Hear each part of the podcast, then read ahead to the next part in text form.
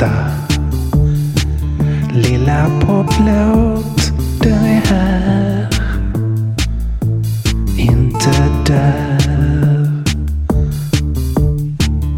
Världens bästa. Lilla poplåt börjar nu. Lyssna du.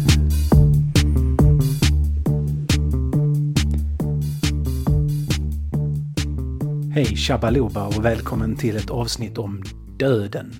Döden och sorg. Och hur man kan reagera på döden och sorg. Till exempel genom att skriva fantastisk popmusik. Det kommer att bli lite mer specifikt än Motorheads Killed by Death eller Tom Lehrers We Will All Go Together When We Go. Nej, här handlar det om ett populärt motiv i populärmusiken. Låten om en död eller döende vän. Här fruktar vi inga liemän, men innan vi kastar oss in i det musikaliska, psykologiska och filosofiska dimension där vi kan prata om döden vill jag bara påminna om att den som blir Patreon på Patreon får tillgång till inte bara bonusavsnitt av den här podden utan också den här poddens systerpodd, Världens bästa filosofiska texter, som förr eller senare också kommer handla om döden, precis som världens bästa poplåt gör. Alla ska dö. Det är i alla fall så det ser ut nu. Döden är det villkorade priset vi betalar för livet och visst, det är väl ett bra deal på det stora hela. Döden är det enda vi kan vara säkra på. Döden och att Skånetrafiken inte kommer ta dig till ditt mål på utsatt tid är livets enda konstanter. Och visst, religionerna lovar inte sällan evigt liv, fast det är först efter döden. Så även om det skulle ha rätt så ingår det att dö. Det ingår att vi ska lämna dem som älskar oss eller känner oss och antingen försvinna eller gå vidare till något annat där de inte är än.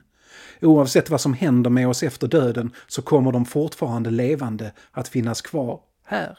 Det finns olika sätt att hantera döden på, både den egna oundvikliga personliga döden och den död som drabbar någon annan. Det finns bra och dåliga sådana och med risk för att glida in på ett sidospår så vill jag bara säga att det var skönt att det gick fort är bland de sämsta sätten att hantera någon annans död på.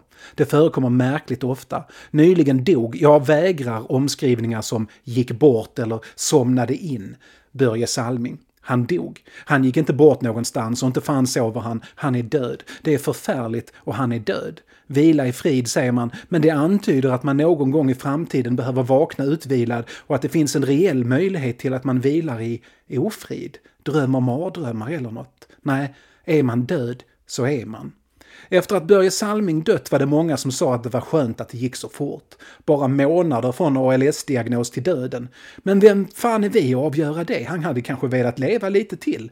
Dagar, månader eller år. Och med en spontana reaktion på att någon får en för närvarande obotlig progressiv sjukdom som obönhörligen leder till döden så får man vara bra jävla psykopatisk om man säger till personen att det var ju tråkigt med diagnosen Börje, för hoppas att du dör snabbt snabbt.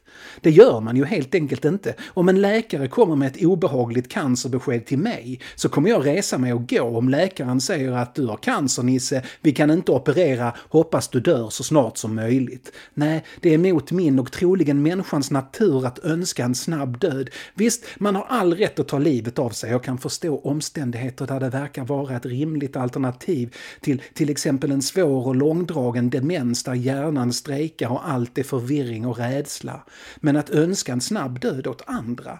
Den logiska konsekvensen, om det vore rimligt, är att helt enkelt skjuta alla i huvudet redan idag. För vi kommer att dö. Många av oss kommer lämna sörjande bakom oss när vi gör det. De flesta av oss kommer inte att dö hastigt heller. Vi fyller 23 och sen börjar döendet. Vi kommer ta på oss funktionsnedsättning och efter funktionsnedsättning och till slut dör vi. Det kanske tar 20, 40, 80, 90 eller 150 år men förr eller senare dör vi. Skönt att det gick snabbt, fuck off! Låt mig bestämma om jag vill ha det snabbt. Men det är ingen tröst för de anhöriga att något gick snabbt, för döden kom oavsett och det är för jävligt. Vi har all rätt att vara förbannade på döden. Allt annat skit på jorden har vi människor i stort sett satt oss över och tagit kontroll över, men döden har vi kvar. En som dog alldeles för ung var gitarristen George Harrison känd från The Beatles och för sin liberala syn på upphovsrätt. Han dog i cancer 2001. Hade han inte gjort det så hade han säkert fortsatt göra de bästa soloskivorna någon från The Beatles givit ut sedan John Lennons Plastic Ono Band, men så blev det inte på grund av döden. Det går inte att spela in skivor efter döden. Att förlora en vän är mer än bara att förlora en vän. Ännu mer så om det är någon man känt i 40 år, sedan den där gången i Hamburg när Pete Best var förkyld och inte kunde spela trummor med The Beatles och man råkade befinna sig i publiken och kunde spela trummor. Och visst måste man hjälpa varandra när man kommer från Liverpool. Att förlora en vän är också att bli påmind om sin egen dödlighet. Han är den jag kunde vara. Vi var en och samma på många sätt och nu finns han inte mer.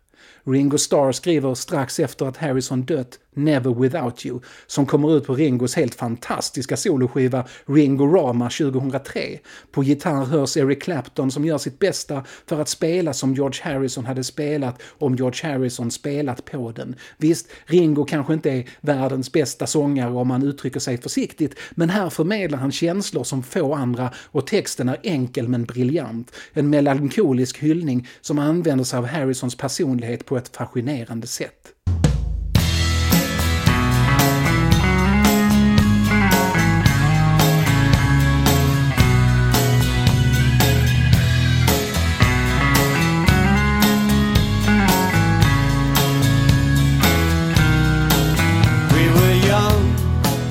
It was fun and we couldn't lose. Times were right overnight. We were headline news. Crazy days and reckless nights. Limousines and bright spotlights. We were brothers through it all and your song will play on without you. This world won't forget about you. Every part of you was in your song. Now we will carry on, never without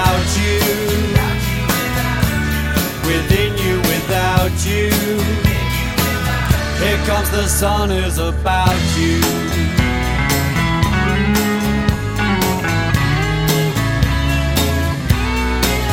Here today, not alone with my memories. Life is strange, how things change its reality. Played a beautiful melody that keeps on haunting me. I can always feel you by my side,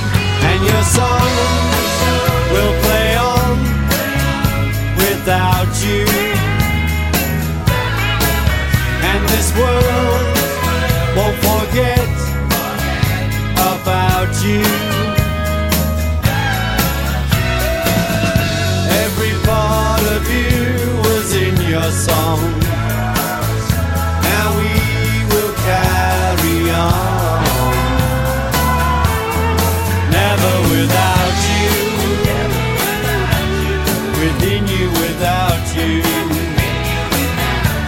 We're never without you. Within you, without you.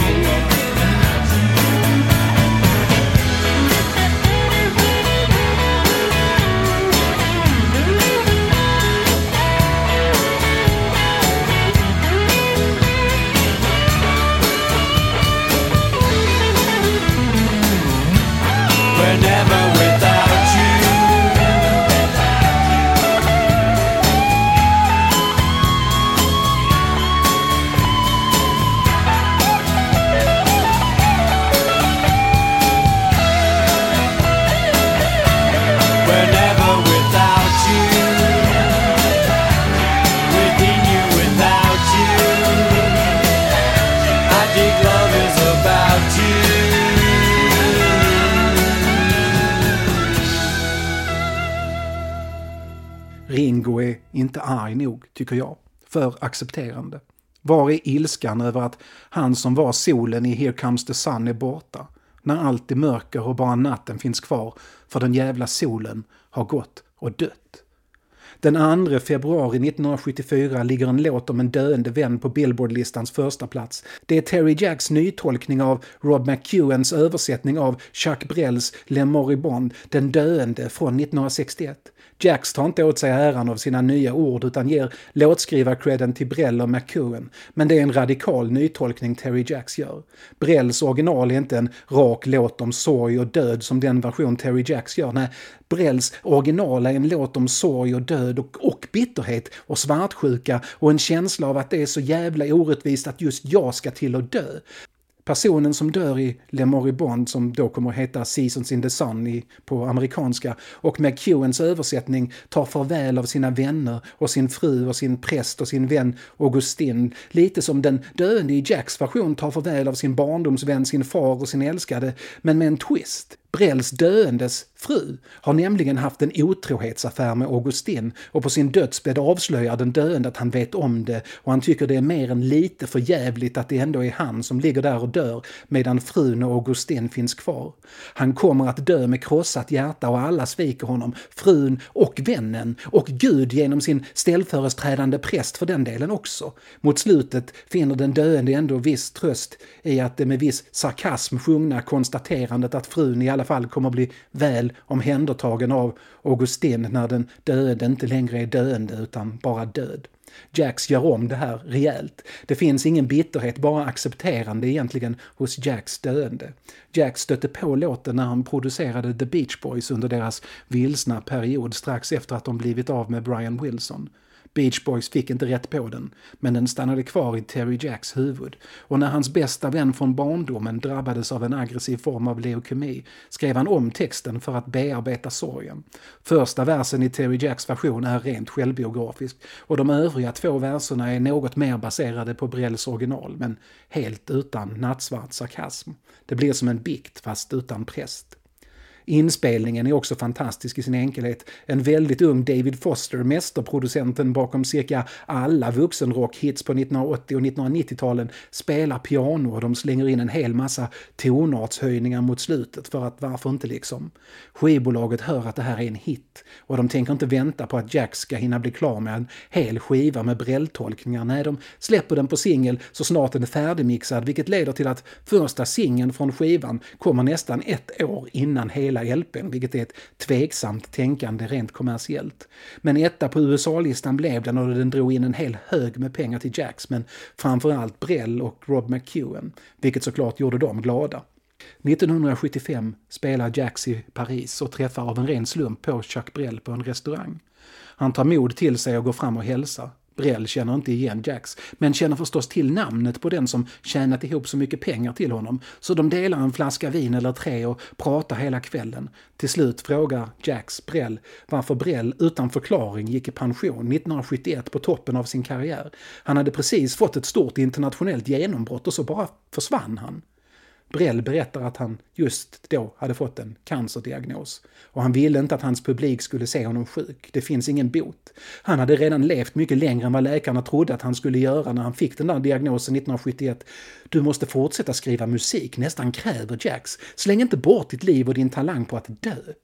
Om det berodde på samtalet med Jacks eller inte har jag ingen aning om, men Brell tar sig samman och reser till Mauritius och skriver en LP till, Le Marquis. Det blir hans sista. Den hinner komma ut strax innan han dör i cancer 1978, 49 år gammal. Det suger fan helvetets jävla åsnepenis att någon ska dö 49 år gammal. Far åt helvete döden. Fuck cancer, som de säger. Och fuck den som, om någon gjort det 1971, hade sagt till Brell att trist med cancern Chuck, hoppas du dör snabbt.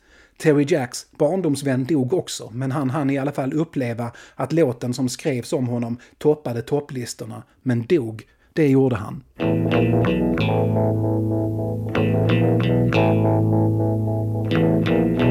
Goodbye to you, my trusted friend. We've known each other since we were nine or ten. Together we've climbed hills and trees. Learned of love and ABC, skinned our hearts and skinned our knees. Goodbye, my friend, it's hard to die. When all the birds are singing in the sky. Now that spring is in the air,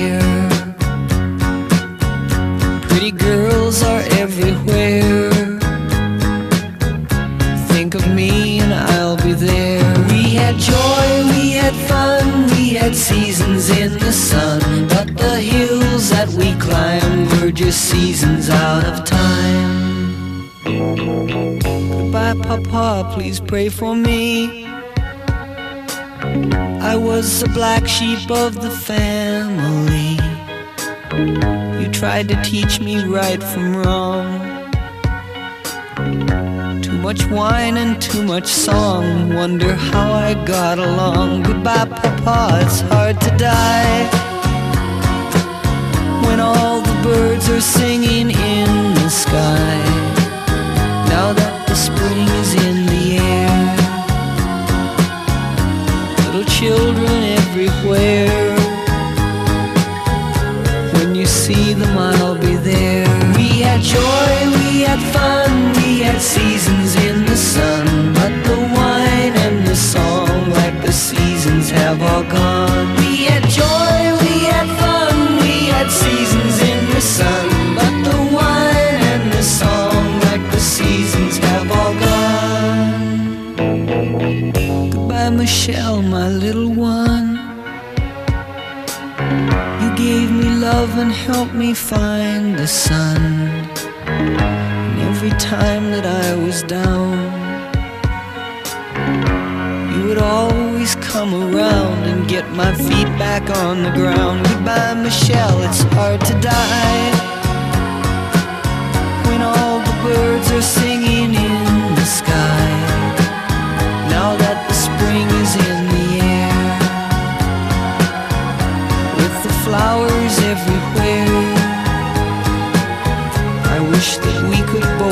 there. We had joy, we had fun, we had seasons in the sun. But the stars we could reach were just starfish on the beach.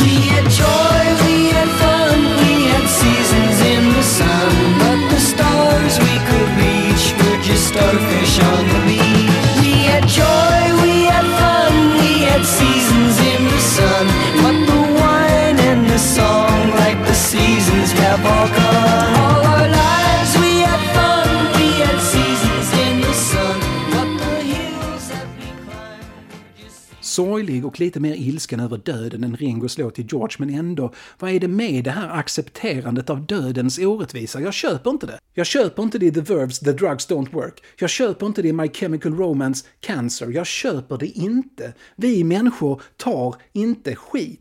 Vill lejonen på savannen äta upp oss så uppfinner vi vapen. Vill bakterierna döda oss så uppfinner vi penicillin. Fryser vi, tämjer vi elden och gör kläder och behöver vi förstå vår värld och hur magisk den är så uppfinner vi konst och popmusik och vissa snöar in på religion. Vi tar kontroll och naturen kan sparka hur mycket den vill på oss för vi reser oss på nio och medan Apollo Creed eller vad nu vår motståndare än heter glider ner från repen så tittar vi på naturen vid våra fötter, beser besegrad, tämjd eller i alla fall bromsad. Och så tittar vi efter vår älskare och ropar “Yo Adrian, I did it” och sen tar vi nästa slag rätt i ansiktet. Men vår inställning till allt annat än döden är ta mig fan att I get knocked down but I get up again, you're never gonna keep me down, we'll be singing when we're fucking winning för in i helvete. Och den attityden har vi i världens bästa poplåt. Fuck you döden! Jim Carroll föddes 1949, slog igenom som poet redan som 13-åring och fick till stipendium till prestigefyllda Trinity High School på Manhattan. Han växte upp först på sydspetsen av Manhattan men familjen flyttade till nordöstligaste och fattigaste delen när han var 12 år gammal. Hans pappa hade en irländsk pub i ett område med nästan bara latinamerikaner. Han var rankad som en av de bästa unga basketspelarna i landet och han publicerades i de största litterära magasinen långt innan han fyllt 18. Han hade högsta betyg i alla ämnen och han var lång och snygg och blev som 13-åring inte bara publicerad i New York Times och fick sin första diktsamling utgiven på ett prestigefyllt förlag utan också heroinist som försörjde sitt missbruk genom att prostituera sig. I sitt stora genombrott, den självbiografiska The Basketball Diaries från 1978, beskriver han hur männen han sålde sig till slog honom, pissade på honom och en ville betala för att se honom att döda en katt. Han levde ett dubbelliv, med å ena sidan att vara den fullständiga sinnebilden för en amerikansk fortunate son och å andra sidan leva i total misär och missbruk. Som 18-åring blev han en del av Andy Warhols Factory och arbetade bland annat med manus till Warhols filmer. Han hörs på The Velvet Undergrounds klassiska liveskiva Max's Kansas City. Hans dikter får sådant erkännande att han nomineras till Pulitzerpriset och ett tag delar han lägenhet med Patti Smith och fotografen Robert Mapplethorpe, som den som har lyssnat på den här podden uppmärksamt ett tag kommer komma ihåg från avsnittet om Balls to the Wall. Det var han som tog fotot Patrice New York City som var förlagan till omslaget på Accepts skiva. Mapplethorpe var en av de mest hyllade fotograferna i Amerika och hans dokumenterande av New Yorks gayscen fick internationell uppmärksamhet. Han fick aids och dog 1989, 42 år gammal. För helvete! En av de mest begåvade människor vi haft, 42 år. Patti Smith lever dock fortfarande. Och inte minst levde hon 1978 när hon precis fått sitt stora genombrott och turnerade runt i USA. Vid en konsert slumpade sig så att hennes förband helt enkelt inte dök upp, men den gamla vännen Jim Carroll hade kommit och hälsat på, numera helt utan något missbruk, fortfarande ung och frisk. Nåväl, upp med honom på scenen och så läser han till publikens stora förtjusning sina dikter medan Patti Smith och hennes kompband kompar. Carol inser att han måste starta ett band, för det här var precis den kick han letar efter. Publik, applåder. Så han startar sitt band och de heter en hel massa saker innan de kommer på sitt riktiga namn för att få lite skjuts av Carols framgångar med The Basketball Diaries landar de i att heta The Jim Carroll Band. Och 1980 kommer deras första, och lite beroende på om man räknar sådant som egentligen inte var meningen skulle släppas eller inte, sista LP. Och på den finns världens bästa poplåt, People Who Died. Låten är populär filmmusik. Den spelas till exempel i öppningsscenen på Steven Spielbergs E.T. och den spelas i öppningsscenen på James Gunns The Suicide Squad. Ganska olika filmer minst sagt, men bra filmer och en bra låt är det. People Who Died tar inga fångar. People Who Died accepterar inte döden. Nej, den är ett primalt avgrundsvrål mot döden. Det finns inget rättvist i döden. Det finns inget vackert i döden, inget romantiskt. Döden är döden och den är bara förjävlig. Låten räknar i vers efter vers upp alla de vänner Jim Carroll haft som dött. Och det är många, väldigt många. Så pass många att inget vettigt försäkringsbolag i världen borde ha låtit någon av Jim Carrolls vänner teckna livförsäkring hos dem. Så pass riskfyllt är det att vara hans vän. Men sådan är låten. Det här är Bobby, han dog när han var 14. Det här är Eddie, han fick halsen avskuren och så vidare. Ingen förståelse, ingen acceptans, bara döden och tomheten efter den. Och det är med den typen av uppsträckt långfinger vi ska betrakta döden. Visst, den kanske är ofrånkomlig. Visst, den är priset vi betalar för att få leva. Men vi behöver inte gilla det. Vad vi behöver göra är motstånd. Motstånd. We're not gonna take it. We're not gonna take it anymore. Jim Carroll dog vid sitt skrivbord. Han höll på att skriva en diktsamling, 60 år gammal. Hjärtinfarkt. Pang bom, död. Han hade så mycket kvar att ge. Men låten finns kvar. Och det skadar ju inte att People Who Died har en fantastisk refräng heller. Pop, punk och ilska mot döden. Helt perfekt. Jag älskar den här låten.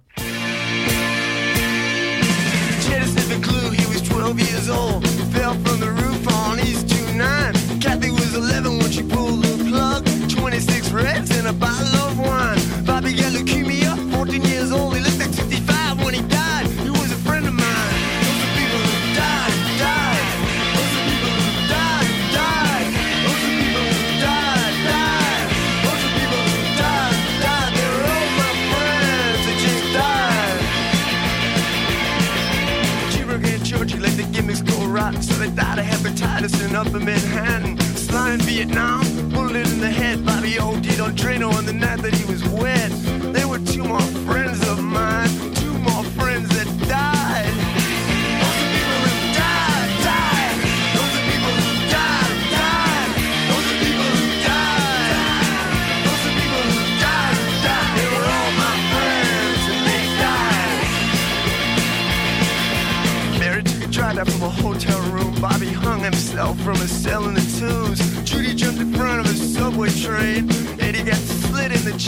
And Eddie, I miss you more than all the others. And I salute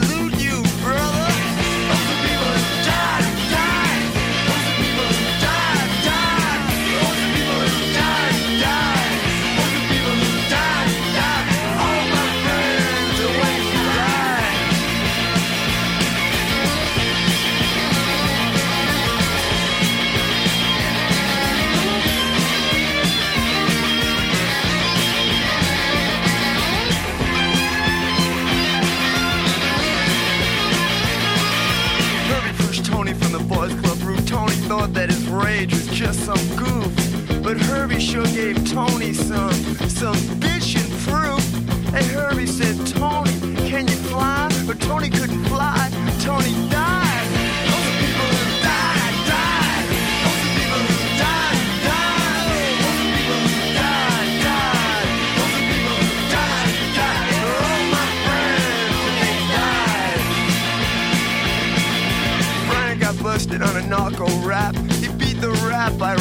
some bikers. He said, hey, I know it's dangerous, but it sure beats Rikers. But the next day, he got offed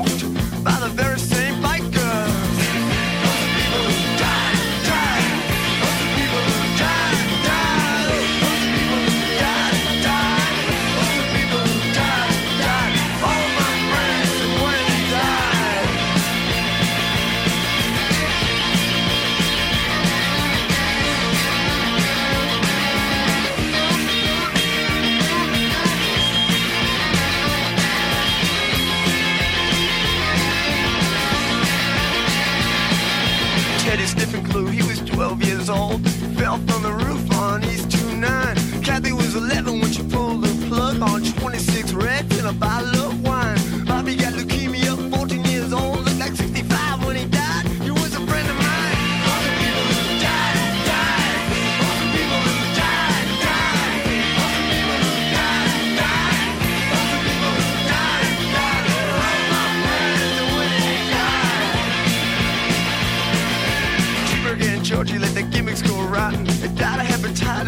over Manhattan. in Vietnam, took a bullet in the head Bobby the old, you don't train a woman.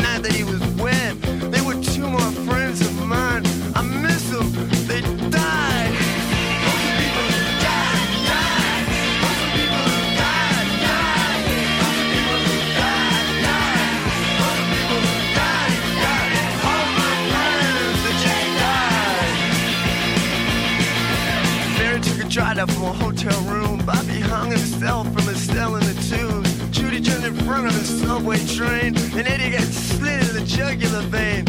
Eddie, I miss you more than all the others. This song is for you, my brother.